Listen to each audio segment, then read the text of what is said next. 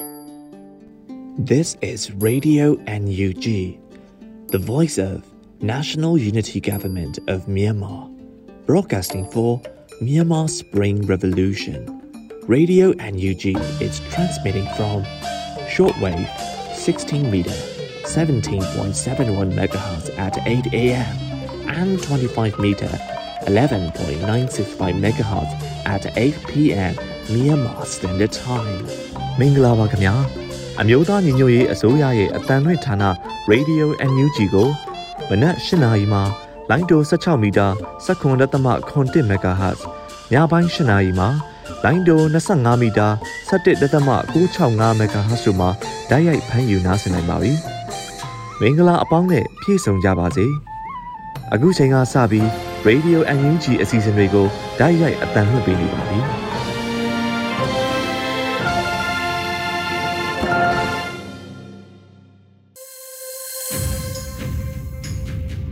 Radio UNG တောတာရှင်တွေနေကောင်းကျမ်းမာကြပါရဲ့လားခင်ဗျာမနေ့ပိုင်းနဲ့ညကင်ပိုင်းရေဒီယိုလေးလိုင်းထုတ်လွှင့်မှုတွေအပြင်မီဒီယာ platform တွေပေါ်ကကျွန်တော်တို့ရဲ့တိုးချက်နေ့လည်ခင်းအစီအစဉ်တင်ဆက်ဖို့အချိန်ကျရောက်လာပါပြီနိုဝင်ဘာလ24ရက်မြန်မာစံတော်ချိန်မွန်းလွဲပိုင်း2နာရီခွဲအစီအစဉ်မှာအခုနားဆင်ကြဖို့ရှိတာတွေကိုဥစွာတင်ပြရမယ်ဆိုရင်ခါတိုင်းလိုပဲနောက်ဆုံးရနေ့လည်ခင်းသတင်းတွေကိုຫນွေဦးမောင်ကတင်ဆက်ပါမယ်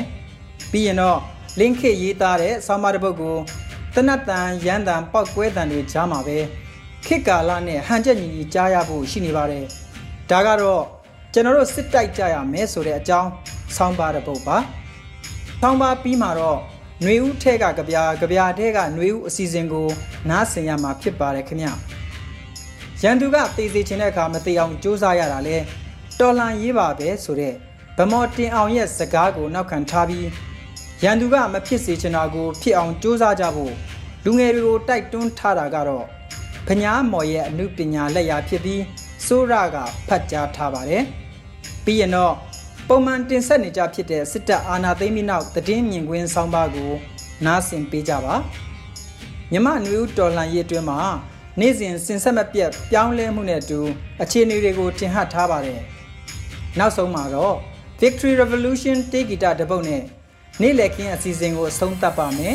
အခုချိန်ကစပြီးနိုဝင်ဘာလ24ရက်နေ့လည်ခင်းသတင်းတွေကိုနားဆင်နိုင်ပါပြီခင်ဗျာယခုတင်ဆက်ပေးမှာကတော့နိုဝင်ဘာ23ရက်နေ့ရပြည်တွင်းသတင်းများပဲဖြစ်ပါတယ်ကျွန်တော်ကတော့ຫນွေဦးမောင်ပါစစ်ကောင်စီလက်အောက်ခံ BGF တပ်များဝင်စီးခဲ့တဲ့ဖလန်တောင်တိုက်နယ်ဈေးရုံအတွင်း KNU KNLA တပ်ရင်းတစ်တပ်ဖွဲ့ဝင်တွေမိုင်းရှင်းလင်းမှုလုပ်ပေးခဲ့တဲ့တဲ့တင်ကိုတင်ဆက်ပေးပါမယ်။ နိုဝင်ဘာ22ရက်နေ့မှာစစ်ကောင်စီလက်အောက်ခံ BGF တပ်တွေဝင်စီးခဲ့တဲ့ဖလန်တောင်တိုက်နယ်စေယုံအတွင်း BGF တွေမိုင်းထောင်ခဲ့ခြင်းရှိမရှိကို KNU KNLA တပ်ရင်း1တပ်ဖွဲ့ဝင်တွေကဝင်ရောက်ရှင်းလင်းမှုတွေလုပ်ပေးခဲ့ရကြောင်းသိရပါတယ်။ KNU ဒုတထုခရိုင်ဖအံမြို့နယ်ထဲမှာအခုရပိုင်းအတွင်းကရင်အမျိုးသားလွတ်မြောက်ရေးတပ်မတော် KNLA နဲ့စစ်ကောင်စီနယ်ခြားစောင့်တပ် BGF ပူးပေါင်းတပ်တို့ကြားစစ်ရေးတင်းမာနေကြတာပါ။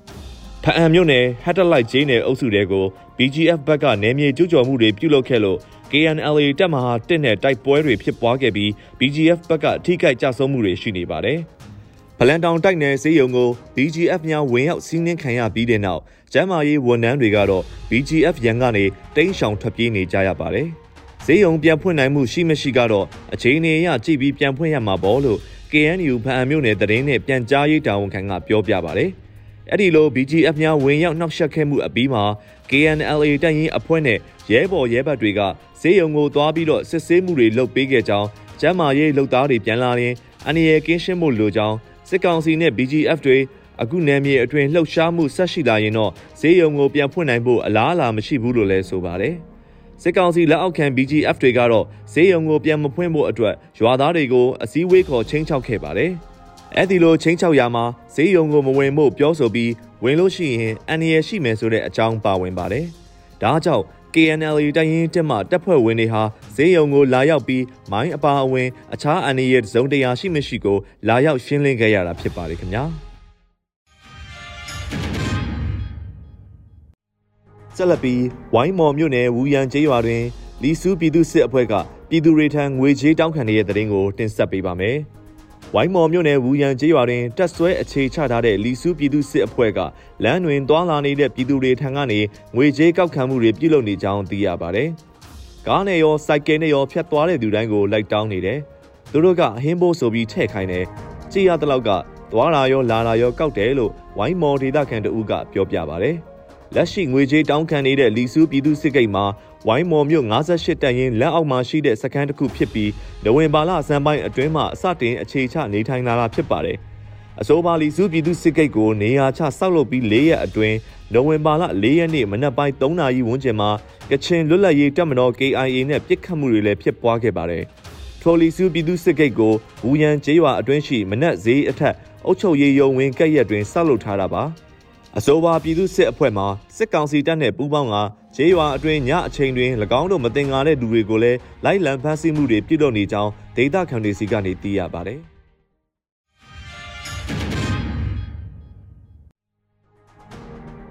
နောက်ဆုံးတင်ဆက်ပေးမယ့်သတင်းကတော့တနင်္သာရီတိုင်းကစစ်ဘေးဒုက္ခသည်များစားနပ်ရိက္ခာပြက်လက်နေတဲ့သတင်းပဲဖြစ်ပါတယ်။တနင်္သာရီတိုင်းဒေသကြီးဒဝဲခရိုင်တရက်ချောင်းမြို့နယ်မှာစစ်ကောင်စီကဖျက်လေးပြက်လုပ်နေတာကြောင့် တောပြောက်တိုက်ငယ်တဲ့ကစစ်ပေးဒုက္ခသည်တွေဟာစားနပ်ရိက္ခာပြက်လက်ပြီးအခက်အခဲတွေဖြစ်နေကြတယ်လို့သိရပါတယ်။စစ်ကောင်စီဟာအစိုးရနေရာကိုဖျက်လေးဖြက်လှုပ်ထားတာနှစ်လကျော်ကြာနေပြီဖြစ်ပါတယ်။ဖျက်လေးဖြက်လှုပ်ထားတော့စစ်ပွဲမရှိပေမဲ့စားစရာလည်းမရှိဘူးဖြစ်နေတယ်။ဒီရော်ဒီမှာကမှာသမျှအစားအသောက်တွေအားလုံးဖျက်ခွင့်မရှိဘူးဆိုပြီးပိတ်ထားတာလို့ဒေသခံတအူးကပြောပါတယ်။စစ်ပွဲကတော့မဖြစ်တော့ဘူးဆိုပေမဲ့ရွာတဲကိုဝင်လာမဲ့ကားတွေအကုန်စစ်ဆေးတယ်။ပေးမဝင်ဘူးစားနပ်ရိက္ခာတွေအကုန်ဖြတ်ထားတယ်။ အခုရွာထဲမှာဘာမှစားစရာမရှိတော့ဘူးအတော်ဒုက္ခရောက်နေကြရတယ်လို့ဒေသခံတွေကပြောပါတယ်မြန်မာပြည်တောင်ပိုင်းဒေသတစ်လျှောက်ဖြစ်တဲ့ပဲခူးတိုင်းမွန်ပြည်နယ်ကရင်ပြည်နယ်နဲ့တနင်္သာရီတိုင်းတို့မှာခက်စိတ်စိတ်ဖြစ်ပွားလာတဲ့လက်နက်ကင်တိုက်ပွဲရဲ့နောက်ဆက်တွဲအဖြစ်ဒေသခံတို့ကနေရက်စွန့်ခွာကစစ်ဘေးဒုက္ခသည်တွေအဖြစ်ပြေးလွှားနေကြရတာပါစစ်တပ်အာဏာသိမ်းပြီးနောက်ပုံမတိုးပွားလာတဲ့ပဋိပက္ခတွေအကြားလက်ရှိမှာမြန်မာပြည်တောင်ပိုင်းဒေသတွေမှာစစ်ဘေးဒုက္ခသည်တွေတသိန်းသောင်းကျော်လာပြီဖြစ်ပါတယ်။ တနင်္သာရီတိုင်းထဲကမြို့နယ်အချို့မှာလည်းစစ်ပေးဒုက္ခသည်9200ကျော်ဟာရွှေ့ပြောင်းနေထိုင်ကြရပါတယ်။စစ်ပေးဒုက္ခသည်တွေဟာတိုက်ပွဲဖြစ်ပွားတာနဲ့ဘေးကင်းရာကိုရှောင်နေရတာကျန်းမာရေးစောင့်ရှောက်မှုအဆင်ပြေပြေမရှိတာတဘာဝဘေးတွေကြုံနေရတာအပြင်ပညာသင်ကြားခွင့်တွေလည်းဆုံးရှုံးနေပါတယ်။စစ်တပ်အာဏာသိမ်းပြီးနောက်ပိုင်းမြန်မာပြည်အနှံ့အပြားတွင်စစ်ဘေးဒုက္ခသည်ပေါင်း9,900ကျော်ရှိနေပြီဖြစ်ပါတယ်။ယခုတင်ဆက်ပေးခဲ့တာကတော့နိုဝင်ဘာ23ရက်နေ့ကပြည်တွင်သတင်းများပဲဖြစ်ပါတယ်။ ကျွန်တော်ကတော့ຫນွေဦးမောင်ပါ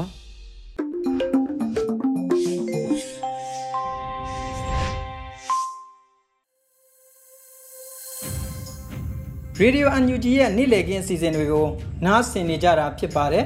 ။သတင်းများကိုနားဆင်အပြီးမှာတော့ link ခရေးသားတဲ့ဆောင်းပါးကိုခန်းစားနားဆင်ရမှာဖြစ်ပါတယ်။ဆောင်းပါးအမည်ကတော့ကျွန်တော်တို့စစ်တိုက်ကြရမယ်။ ကျွန်တော်တို့စစ်တိုက်ကြရမယ်အနောက်ကဘာရဲ့နိုဝင်ဘာ10ရက်နေ့ကဖြစ်တယ်အထူးစိုးရိမ်ဖွယ်စီရေးတိုးမြင့်မှုတွေကြောင့်မြမအရေးလုံခြုံရေးကောင်စီတကားပိတ်အစည်းအဝေးကျင်းပခဲ့တယ်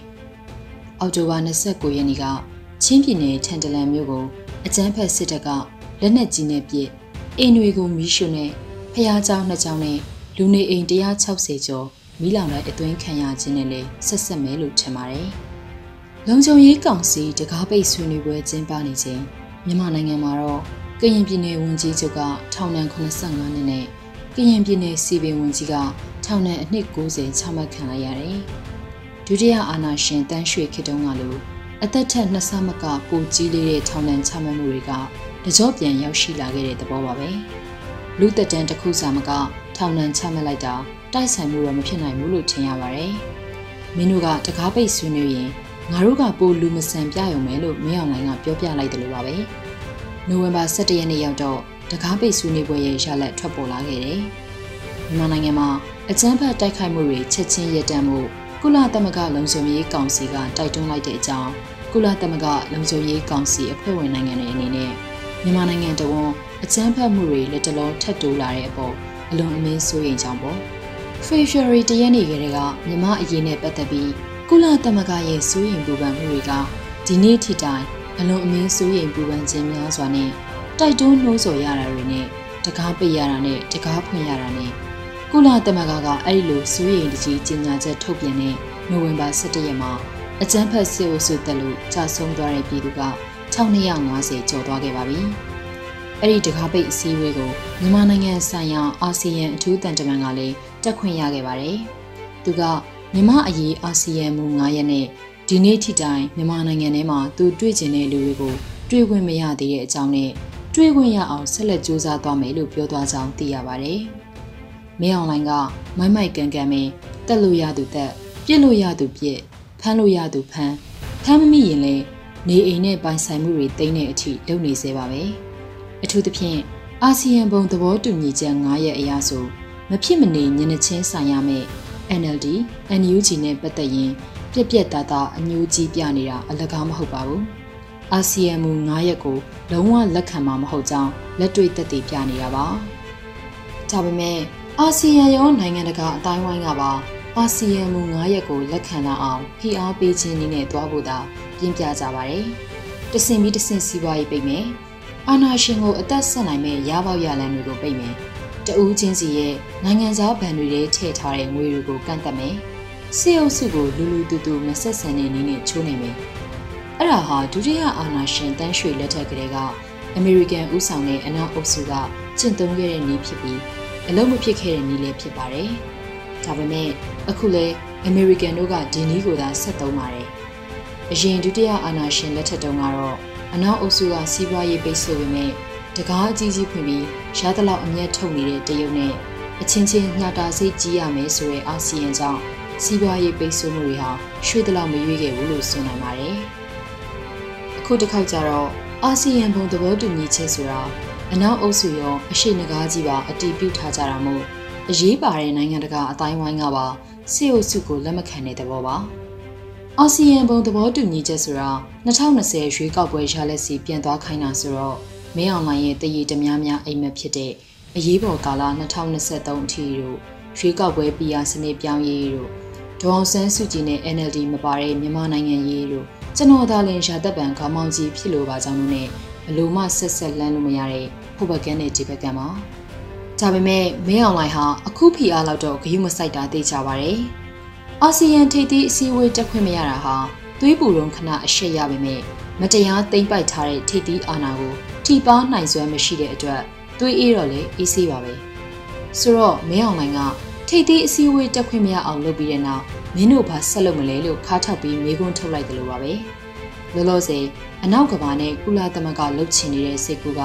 မြန်မာနိုင်ငံနဲ့လူသားချင်းစာနာထောက်ထားမှုအကူအညီပေးချင်နေတာပါသူတို့ကလူသားချင်းစာနာမှုရှိကြောင်းကဘာကြီးကိုပြသချင်နေကြတာပါတကယ်တော့သူတို့ပေးနိုင်တဲ့လူသားချင်းစာနာမှုအကူအညီဆိုတာ ငက်နေပြက်နေတဲ့လူကိုထမင်းလေးတစ်နက်လောက်ကျွေးနိုင်တဲ့အဆင့်ထက်မပိုပါဘူးမြန်မာပြည်သူတွေအမှန်တကယ်လိုအပ်ပြီးအမှန်တကယ်ပြင်းပြင်းပြပြလိုချင်နေတာကထမင်းတစ်နက်မဟုတ်ပါဘူးတားစင်မျိုးဆက်ဝဝလင်လင်စားနိုင်တောက်နိုင်ပျော်နိုင်ပါနိုင်မဲ့အခွင့်အရေးပါအဲ့ဒီအခွင့်အရေးကိုရဖို့ဆိုတာနှစ်ပေါင်းရှည်ကြာပြည်သူအပေါ်လူပါဝနေတဲ့စစ်အာဏာရှင်တွေကိုမြေလှန်နိုင်ရေးပါပဲအင်အားကြီးအမေရိကန်ကဖိအားပေးခြင်းလမ်းတစ်သွယ်အပြင်လူသားချင်းစာနာမှုအကူအညီပေးလမ်းကြောင်းကနေတဆင့် ဆွေးနွေးအပြေရှာလမ်းကြောင်းပေါ်အထိချဲ့ထွင်နိုင်မလားဆိုပြီးစိတ်ကူးရင်မုံလည်းရပါတယ်။ဒါကြောင့်အကြမ်းဖက်စေအုပ်စုနဲ့ဓာတ်ရိုက်ဆက်ဆံကြရမလို့ပဲထိတွေ့နိုင်တဲ့အမေရိကန်တပ်အမတ်ဟောင်း Bill Richardson ကနေတဆင့်ဆက်ဆံရေးလမ်းကြောင်းတစ်ကိုဖောက်လုပ်ခဲ့တာလည်းဖြစ်နိုင်ပါတယ်။ပြီးတော့အမေရိကန်ပြောတဲ့ဒီမိုကရေစီစံနှုန်းဆိုတာတနက်ကင်ခြင်းနဲ့ဘာမှမဆိုင်ဘူးလို့လို့အဓိပ္ပာယ်ဖွင့်ဆိုခြင်းမလည်းရပါတယ်။တကယ်တော့ကုလသမဂ္ဂလမ်းကြောင်းကနေ သွေးထွက်တန်ယူမှုမပါဘဲထိရောက်တဲ့အရေးယူမှုတွေလုပ်ဖို့အခွင့်အရေးရှိပေမဲ့အခုအချိန်ထိတိုက်တွန်းနေစိုးရိမ်ပြနေုံနဲ့ပြီးနေတာမြမအရေးကိုကုလကတကယ်ရောစိတ်ဝင်စားရလားလို့မေးခွန်းထုတ်ရပါမယ်။ကုလသမဂ္ဂလိုပဲအမေရိကန်ရဲ့မြမအရေးလှုပ်အားဟာဒီနေ့အထိအားမပါသေးပါဘူး။ CDM စစ်သားနဲ့ရေးတို့ကို CDM လုပ်ပြီးတာနဲ့အနောက်ကဘာမှာခြေချခြင်းရင်မြန်မြန်နဲ့လွယ်လွယ်ခြေချခွင့်ပြုရဲလို့အာမခံချက်ပေးခဲ့ရင်တော့မင်းအောင်လှိုင်ရဲ့အဓိကထောက်တိုင်တွေ မြ мян စင်စင်ချိနေစေပြီးအာဏာရှင်တွေကိုမြ мян အမြင့်ဖြတ်နိုင်ရေးအတွက်တွန်းအားဖြစ်စေမှာပါမြမအရေးနဲ့ပတ်သက်ပြီးအမေရိကန်သွားနေတဲ့လမ်းကဖြည်းဖြည်းနဲ့မှန်မှန်ဖိအားပေးခြင်းနဲ့တန်တမန်လမ်းကြောင်းဖြစ်လေတော့ကြာကျင်တဲ့လောက်အေးဆေးကြပါစီဆိုတာမျိုးလားလို့မေးရမလို့ပါပဲလက်ရှိမြမအရေးဟာစေအုပ်စုကလုံးဝအသာစီးရပြီးသူတို့ဖြစ်ချင်တယ်လို့ဖြစ်ခဲ့ရင်တော့အမေရိကန်ရဲ့နိုင်ငံကြီးဂုဏ်သိက္ခာကိုထိခိုက်စရာအကြောင်းမရှိပါဘူး မြန်မာပြည်သူတို့အတွက်ကတော့ဘလို့မှနလန်ပြန်မထူနိုင်တဲ့နိုင်ငံကလူမှန်းမသိတဲ့ဘဝနဲ့နောက်ထပ်220မကကြအောင်ခေါင်းငိုက်ဆိုင်ချသွားရတော့မှာပါမြန်မာနဲ့အိမ်ကြီးချင်းတရုတ်ကြတော့လေစစ်အုပ်စုကိုအစိုးရတရက်အနေနဲ့ဆက်ဆံမယ်အာဆီယံမူ၅ချက်ကိုလက်ခံတော့အောင်တန်တမန်နီးလန်းနဲ့အတွင်းကပ်ဖိအားပေးမယ်ဆိုတဲ့လမ်းမှာအာဆီယံဘုံသဘောတူညီချက်၅ရက်ကိုတရုတ်ကဘာလို့လက်ခံလိုက်လဲဆိုတော့အာဏာရှင်တွေသာတိုင်းပြည်ကိုအတ္တမဆက်သိမ့်ပိုက်ထားမယ်ဆိုရင် မြန်မာနိုင်ငံတွင်ဘလို့မှတည်ငြိမ်မှုရှိရမှာမဟုတ်ဘူးလို့သဘောပေါက်လာတာကြောင့်ပါဘေးအိမ်မှာလောင်နေတဲ့မိကအနည်းနဲ့အများဆိုသလိုတရုတ်စီကူးဆက်လာမှသိကြသလိုမီးလောင်နေတဲ့အိမ်ထဲမှာတရုတ်ရင်းနှီးမြှုပ်နှံမှုတွေနင့်နေအောင်တည်ရှိနေခြင်းနဲ့အနာဂတ်မှာစက်မျှော်လင့်စရာအကျိုးစီးပွားတွေရှိနေတာကြောင့်ပါပဲဒါကြောင့်မြန်မာနိုင်ငံတည်ငြိမ်ရေးအတွက်2020ရွေးကောက်ပွဲရလဒ်စီပြန်သွားရေးကိုတရုတ်ကအတီးပြုတ်ထားတယ်ဆိုပေမဲ့ စေအုပ်စုကသာအလေးတာလာရင်တရုတ်ရဲ့ရည်တည်ချက်ကချက်ချင်းပြောင်းသွားနိုင်ပါတယ်။ပြောရရင်နိုင်ငံတကာရဲ့မြမအရေးစဉ်းစားကံကမြန်မာနိုင်ငံရဲ့အခြေအနေပေါ်အဓိကတည်စဉ်းစားနေကြတာပါ။စေအုပ်စုကလုံးဝအာသာနေသလားဒီမိုကရေစီအင်အားစုရဲ့လက်ရှိအခြေအနေနဲ့အလားအလာကဘယ်လိုဖြစ်နိုင်ခြေရှိသလဲအဲ့ဒီအပေါ်အခြေခံပါတယ်။ကျွန်တော်တို့ဒီမိုကရေစီအင်အားစုရဲ့အခမ်းအနားဆုံးအာသာချက်ကမြို့များစွာမှာမြို့ပြပျောက်ကြားတိုက်ပွဲတွေကိုအောင်မြင်စွာဆင်နွှဲနေနိုင်ခြင်းပါပဲ။ ပထမနဲ့ဒုတိယအာဏာရှင်လက်ထက်တုန်းကမြို့ကြီးပြကြီးတွေမှာဘုံတစ်လုံးလောက်ကွဲရင်တလားလောက်ပြောမဆုံးတော့တဲ့မျက်နှာဖုံးသတင်းကြီးဖြစ်ခဲ့ရကနေအခုတော့ဘုံကွဲတယ်ဆိုတာပွင့်လင်းရာဒီမှာပျောက်အိုးဖောက်တလောက်အဆင့်ကိုရောက်လို့နေပါပြီ။နိုင်ငံအနှံ့ဒေသခံပျောက်ကြားရဲဘော်တွေကရရလက်နက်နဲ့အတွင်းလှိုက်စားခြင်းလုပ်ငန်းကိုကောင်းကောင်းဖော်ဆောင်နေတာစီအုပ်စုအတွက်နေ့စဉ်တွေးတိုးနေစေတာပါ။ကျွန်တော်တို့ရဲ့စီရေးအရှိန်ကိုပြက်ပြက်သားသားတိုးမြင့်နိုင်ခြင်းဟာ ຫນွေဦးတော်လန်ရေးအတွက်ကိုအားကိုကိုမဟာဗျူဟာမြောက်လမ်းဖြစ်ပါတယ်။နိုဝင်ဘာ16ရက်နေ့အမျိုးသားညီညွတ်ရေးအတိုင်ပင်ခံကောင်စီ NUCC ရဲ့သတင်းစာရှင်းလင်းပွဲကနှစ်ပေါင်းရှည်ကြာတိုင်းပြည်ကိုဒုက္ခပေးနေတဲ့ဆီယာနာရှင်စနစ်ကိုအမြင့်ပြတ်ချေမှုန်းတော့မှာဖြစ်ကြောင်းမိုက်တွင်းနဲ့နေတဲ့မင်းအောင်နိုင်နဲ့အပေါင်းပါတစုကိုသတိပေးလိုက်တာပါပဲ။ကျွန်တော်တို့ပြည်သူတွေအားလုံး NUCC ရဲ့ဦးဆောင်မှုနောက်ကနေစစ်ရေးအရှိန်ကိုမြင့်တင်မှုနာနာယုံကြဖို့လိုပါတယ်။ စစ်ဆိုတာကျွန်တော်တို့ပြည်သူတွေရွေးချယ်ခဲ့တာမဟုတ်ပါဘူးစစ်ကိုကျွန်တော်တို့မကြိုက်ပါဘူးဒါပေမဲ့ကျွန်တော်တို့စစ်တိုက်ရပါမယ်ယခုဆောင်ပါကိုရေးသားသူကတော့လင်းခစ်ဖြစ်ပါရဲ့ရှင်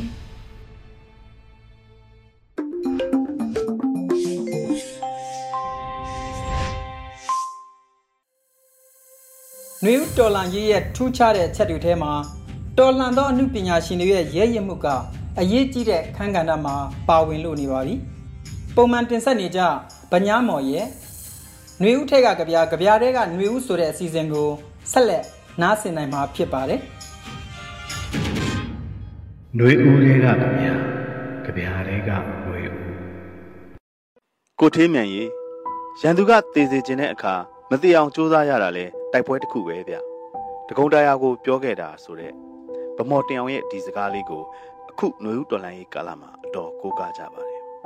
မတိအောင်နေပေးရတာဆိုတဲ့စကားသုံးမှုကွဲကိုလည်းတွေးမိပါတယ်ဒီစာရေးဆရာကြီးနှစ်ဦးဟာလည်းအကျဉ်းစာကာလတွေကိုဖျက်ဆီးခဲ့ရ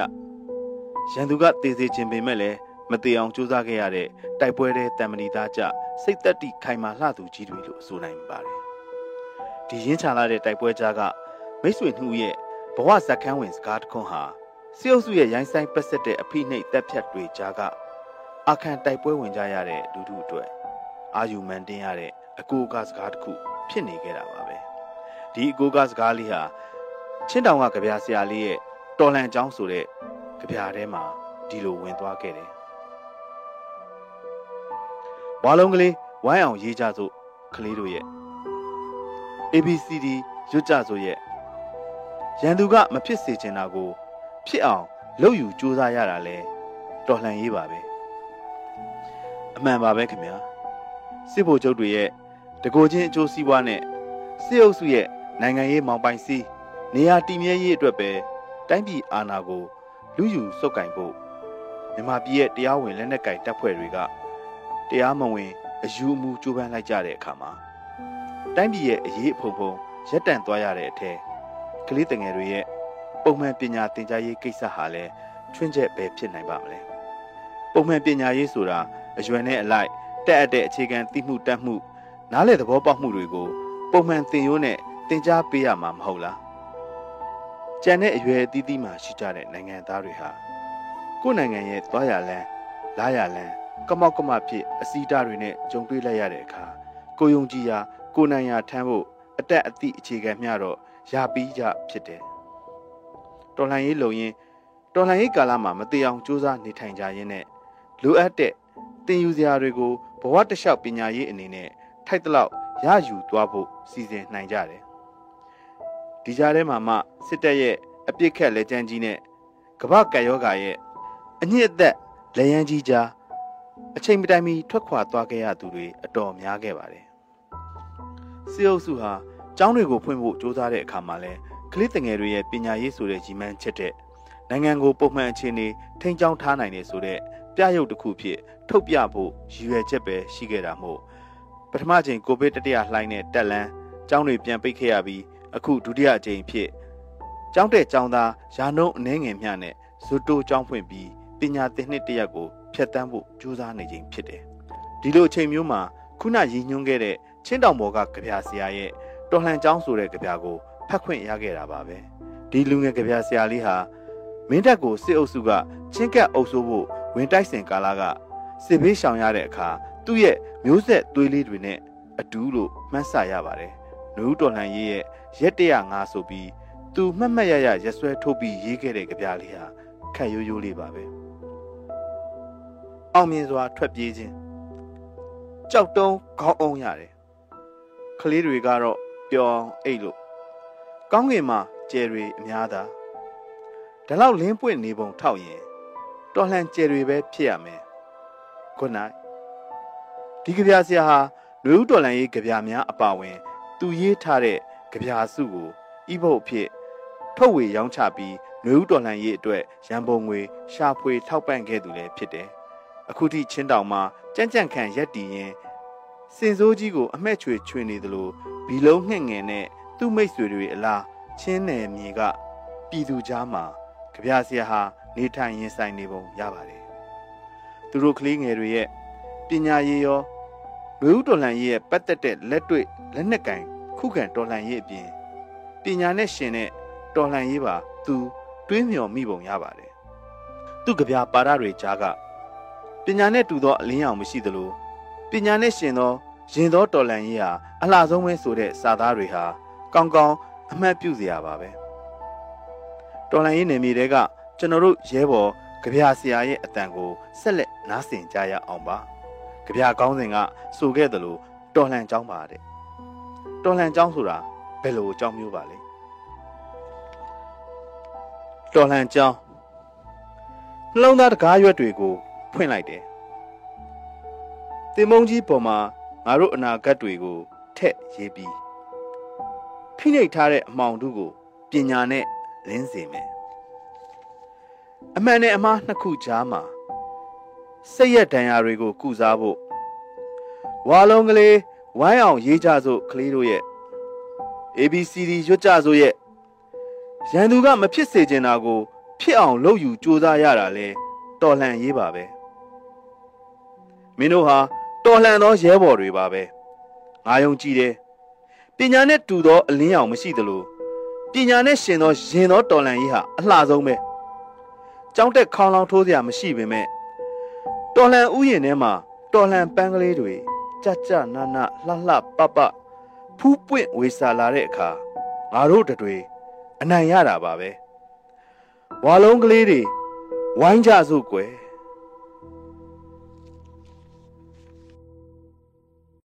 ຫນွေဦးတွေကကြဗျာကြဗျာတွေကຫນွေဦး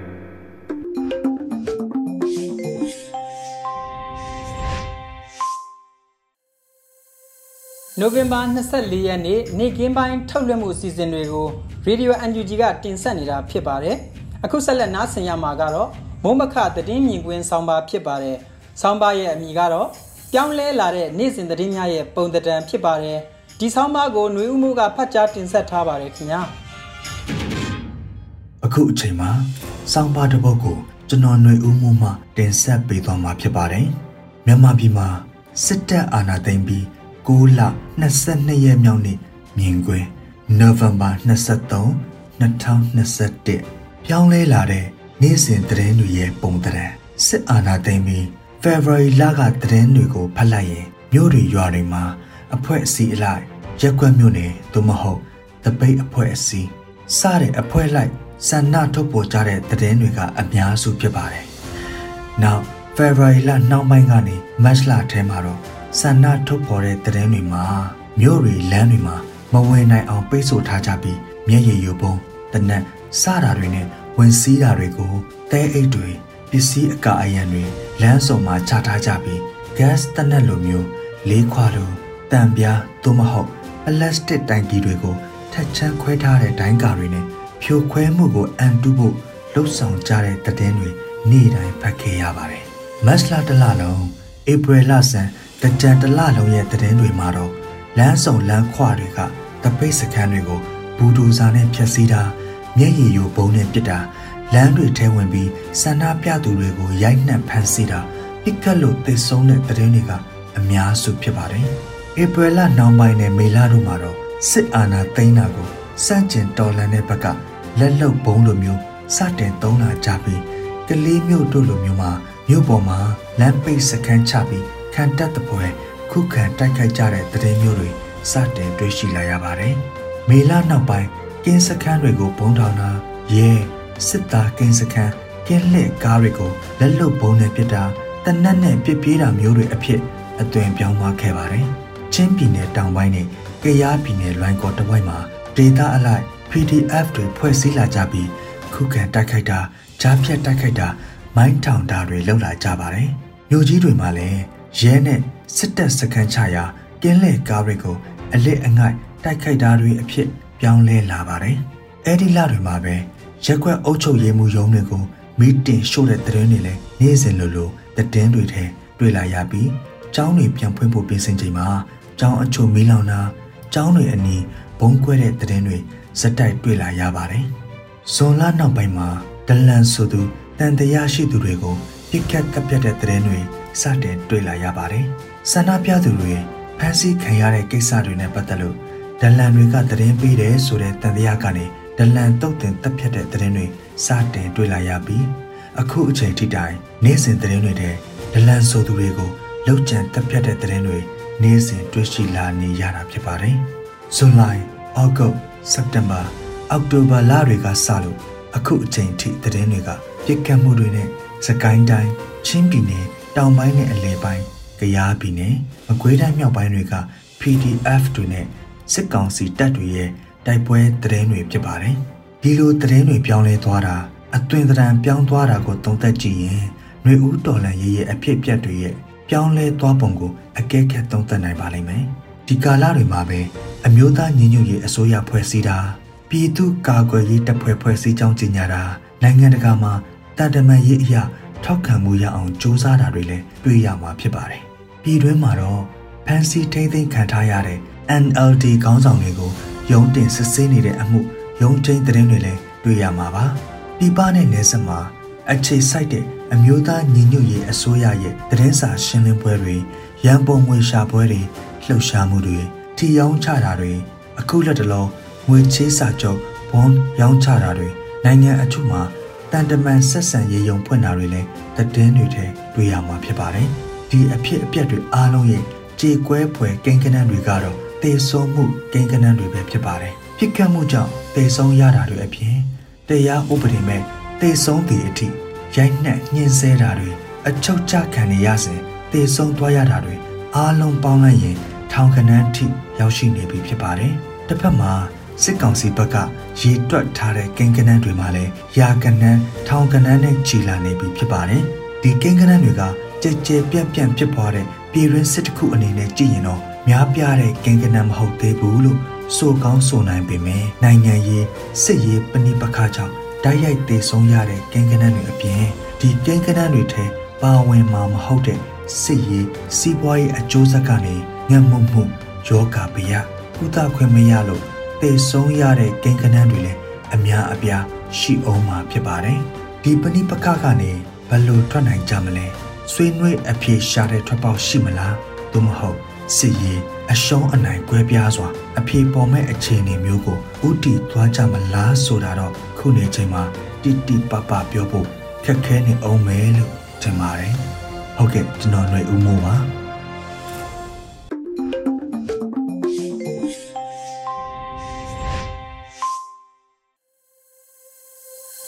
ရေဒီယို UNG ကဆက်လက်အတန်လွှင့်နေပါတယ်ခင်ဗျာနောက်ဆုံးအနေနဲ့ Victory Revolution ဆိုတဲ့တော်လိုင်းရေးတေးတစ်ပုဒ်နဲ့ဖျော်ဖြေပေးလိုက်ပါရစေတောတာရှင်ပေါင်းမင်္ဂလာကြက်တည်ရှိတဲ့နေ့ရက်တွေကိုအမြန်ဆုံးပြန်လည်ရရှိပိုင်ဆိုင်နိုင်ကြပါစေခင်ဗျာကျွန်တော်လွတ်လပ်အຫນွေဦးပါ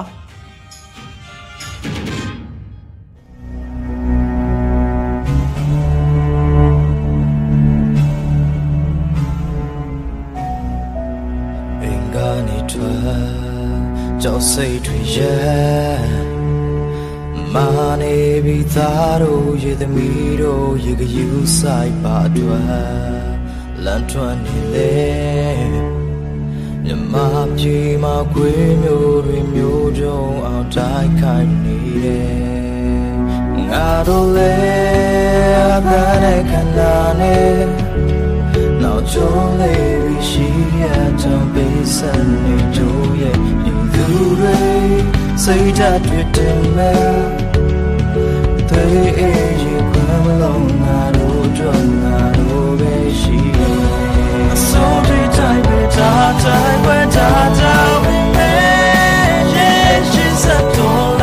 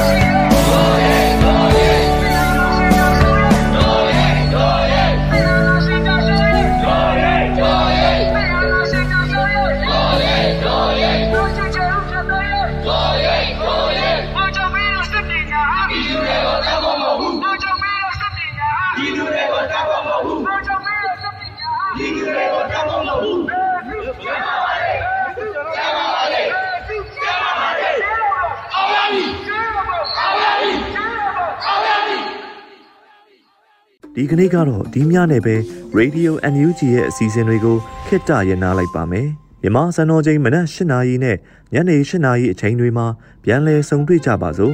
Radio NUG ကိုမနက်၈နာရီမှာလိုင်းတို16မီတာ7.7 MHz ညပိုင်း၈နာရီမှာလိုင်းတို25မီတာ17.665 MHz တို့မှာဓာတ်ရိုက်ဖမ်းယူနားဆင်နိုင်ပါပြီမြန်မာနိုင်ငံသူနိုင်ငံသားများကိုယ်စိတ်နှပြရမ်းမာချမ်းသာလို့ ဘေးကင်းလုံခြုံကြပါစေလို့ Radio NUG အဖွဲ့သူအဖွဲ့သားများကဆုတောင်းလိုက်ရပါတယ်။အမျိုးသားညီညွတ်ရေးအစိုးရရဲ့စက်သွယ်ရေးတရင်အချက်အလက်နဲ့ဤပညာဝန်ကြီးဌာနကထုတ်လွှင့်နေတဲ့ Radio NUG ဖြစ်ပါတယ်။ San Francisco Bay Area အခြေစိုက်မြန်မာမိသားစုများနဲ့နိုင်ငံတကာကစေတနာရှင်များလှူအားပေးများရဲ့ Radio NUG ဖြစ်ပါတယ်။အရေးတော်ပုံအောင်ရမည်။